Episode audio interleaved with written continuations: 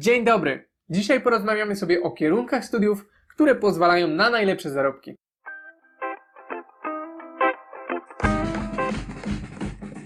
Cześć, z tej strony Hubert i bardzo miło mi odwiedzić na moim kanale.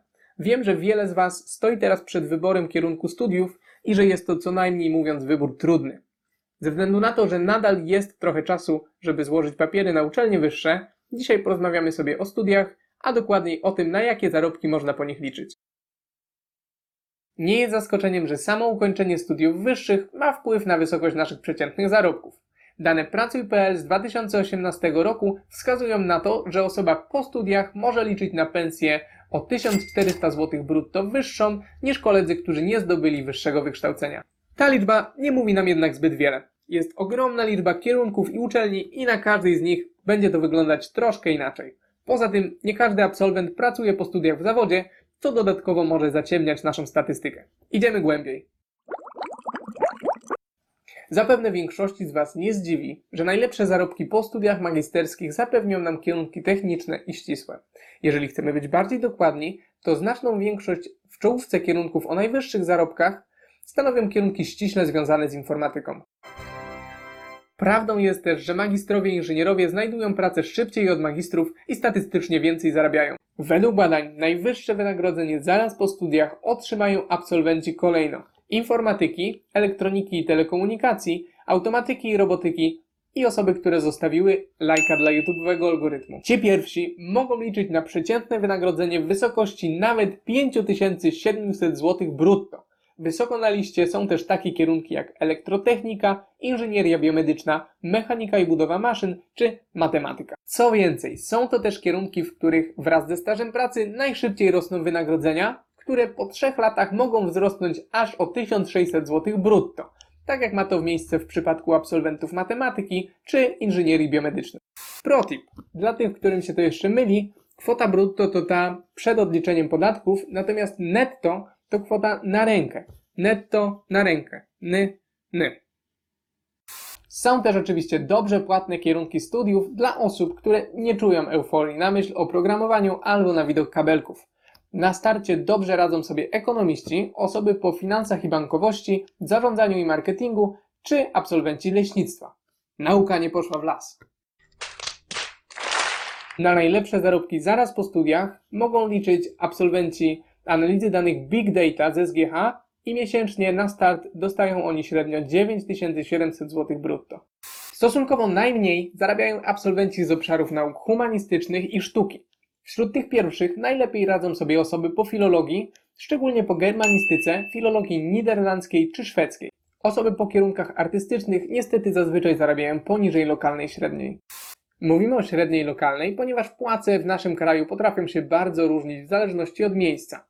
Na przykład w 2017 roku średnia wypłata w Warszawie wynosiła 6000 zł, natomiast w powiecie kępińskim jedynie 3000 zł. Od razu po studiach, oprócz osób zajmujących się sztuką, skromnie zarabiają także absolwenci biologii, historii czy wychowania fizycznego, a także kosmetologii i fizjoterapii. Co więcej, w tych zawodach niestety nie możemy liczyć na duże podwyżki wraz ze wzrostem doświadczenia. Pamiętajcie też, że są to jedynie statystyki i to, że skończycie któryś z tych kierunków nie musi wcale oznaczać, że będziecie mało zarabiać. Zawsze ktoś musi być wyjątkiem. Czegoś mi tu brakuje. Prawdopodobnie to mogła pomyśleć znaczna część z Was, no bo gdzie w tym wszystkim są lekarze? Po studiach zarabiają oni mało, ponieważ mogą liczyć na mniej niż 2400 zł. Jest to spowodowane koniecznością odbycia stażu podyplomowego. Odnotowują oni jednak najszybszy wzrost wynagrodzeń w okresie kolejnych 5 lat aż do 8000 zł. Dzięki temu są w stanie przegonić nawet absolwentów szkół technicznych, którzy przez pierwsze 3 lata od zakończenia studiów plasują się na czołowych pozycjach listy. Podobnie sytuacja ma się u stomatologów, chociaż u nich ten wzrost nie jest aż tak gwałtowny. Dużo częściej są oni jednak zatrudnieni w swojej własnej firmie, co może mieć korzyści podatkowe. Głodować nie będą też farmaceuci. Gdzie jeszcze rodzice mogli próbować Was posłać siłą? Studia prawnicze oczywiście. Mediana zarobków w tym zawodzie wynosi 5350 zł brutto, ale oczywiście zdarzają się przypadki osób, które zarabiają znacznie więcej. Gasząc wasz zapał, po raz kolejny najprawdopodobniej nie będziecie zarabiać kokosów od razu po studiach i w tej kwestii u prawników bywa nawet gorzej niż u lekarzy. Mamy już pewien ogląd na kierunki, więc teraz może zastanówmy się, które uczelnie pozwolą swoim absolwentom najlepiej zarobić, bo jak się okazuje, naprawdę dużo zależy od placówki. Według badania z 2015 roku na podium znalazły się Politechnika Wrocławska 6500 zł, Politechnika Warszawska 7700 zł i Szkoła Główna Handlowa 8700 zł brutto. Dokładne top 10 możecie znaleźć w opisie. Przepraszam bardzo, że przeszkadzam w oglądaniu takiego wartościowego i ciekawego filmiku, ale y, chciałem zapytać, czy masz chwilkę, żeby zostawić subskrypcję, to Analizy pokazały, że bardzo duży wpływ na zarobki zaraz po studiach ma doświadczenie zawodowe. Biorąc pod uwagę absolwentów wszystkich kierunków, ci, którzy nie mieli doświadczenia zawodowego, mogli liczyć na średnie wynagrodzenie w wysokości 3000 zł. Ci natomiast, którzy pracowali podczas studiów, mogli liczyć na 4000 i jest to dosyć spora różnica. Jeszcze lepiej poradzili sobie ci, którzy rozpoczęli budowanie doświadczenia zawodowego, zanim zaczęli studiować. Mogli oni liczyć na 4470 zł brutto od razu po studiach. Osoby, które miały doświadczenie zawodowe, miały też łatwiejszą sytuację, jeśli chodzi o znalezienie pracy. Okazuje się również, że po uwzględnieniu wcześniejszych doświadczeń na rynku pracy, wyższym zarobkom sprzyja ukończenie studiów stacjonarnych na państwowej uczelni. Premia za ukończenie studiów dziennych to średnio 206 zł, natomiast ukończenie uczelni publicznej zwiększa nasze zarobki statystycznie o 220 zł, przynajmniej opierając się o dane z 2014 roku.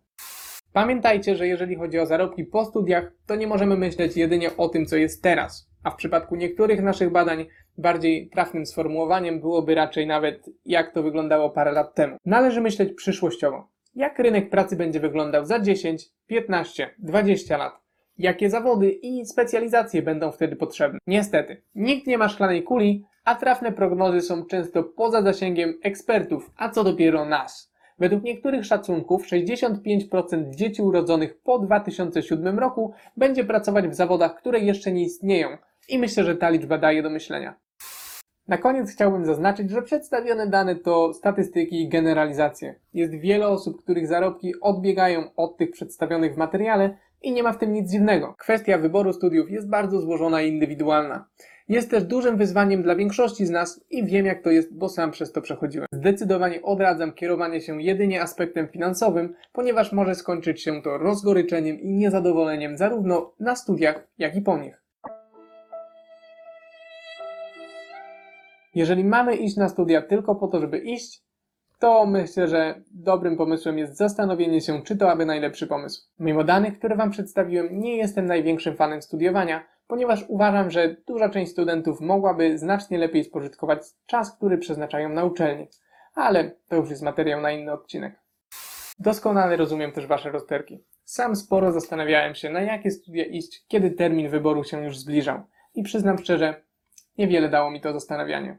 Jestem teraz na trzecim roku automatyki i robotyki i chociaż z dzisiejszą wiedzą wybrałbym inny kierunek, to nie mogę powiedzieć, że jestem niezadowolony. Aby nie popełnić błędu przy wyborze kierunku, najlepiej jest działać prewencyjnie i zacząć myśleć o czekającym nas wyborze dużo wcześniej. Młodszych widzów zapraszam na filmik Co robić w życiu, gdzie dokładnie pokazuję jak to zrobić, natomiast maturzystom polecam materiał o wolności finansowej, żebyście już na starcie nie wpadli w pułapkę inflacji stylu życia.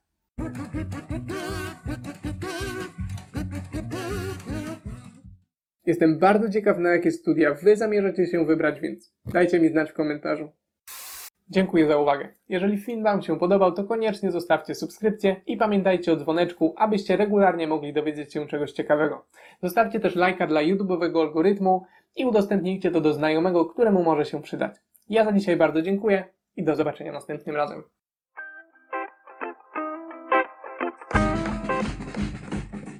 Jeżeli obawialiście się matury, to mam złe wieści, bo na niektórych studiach sesja potrafi być dużo gorsza.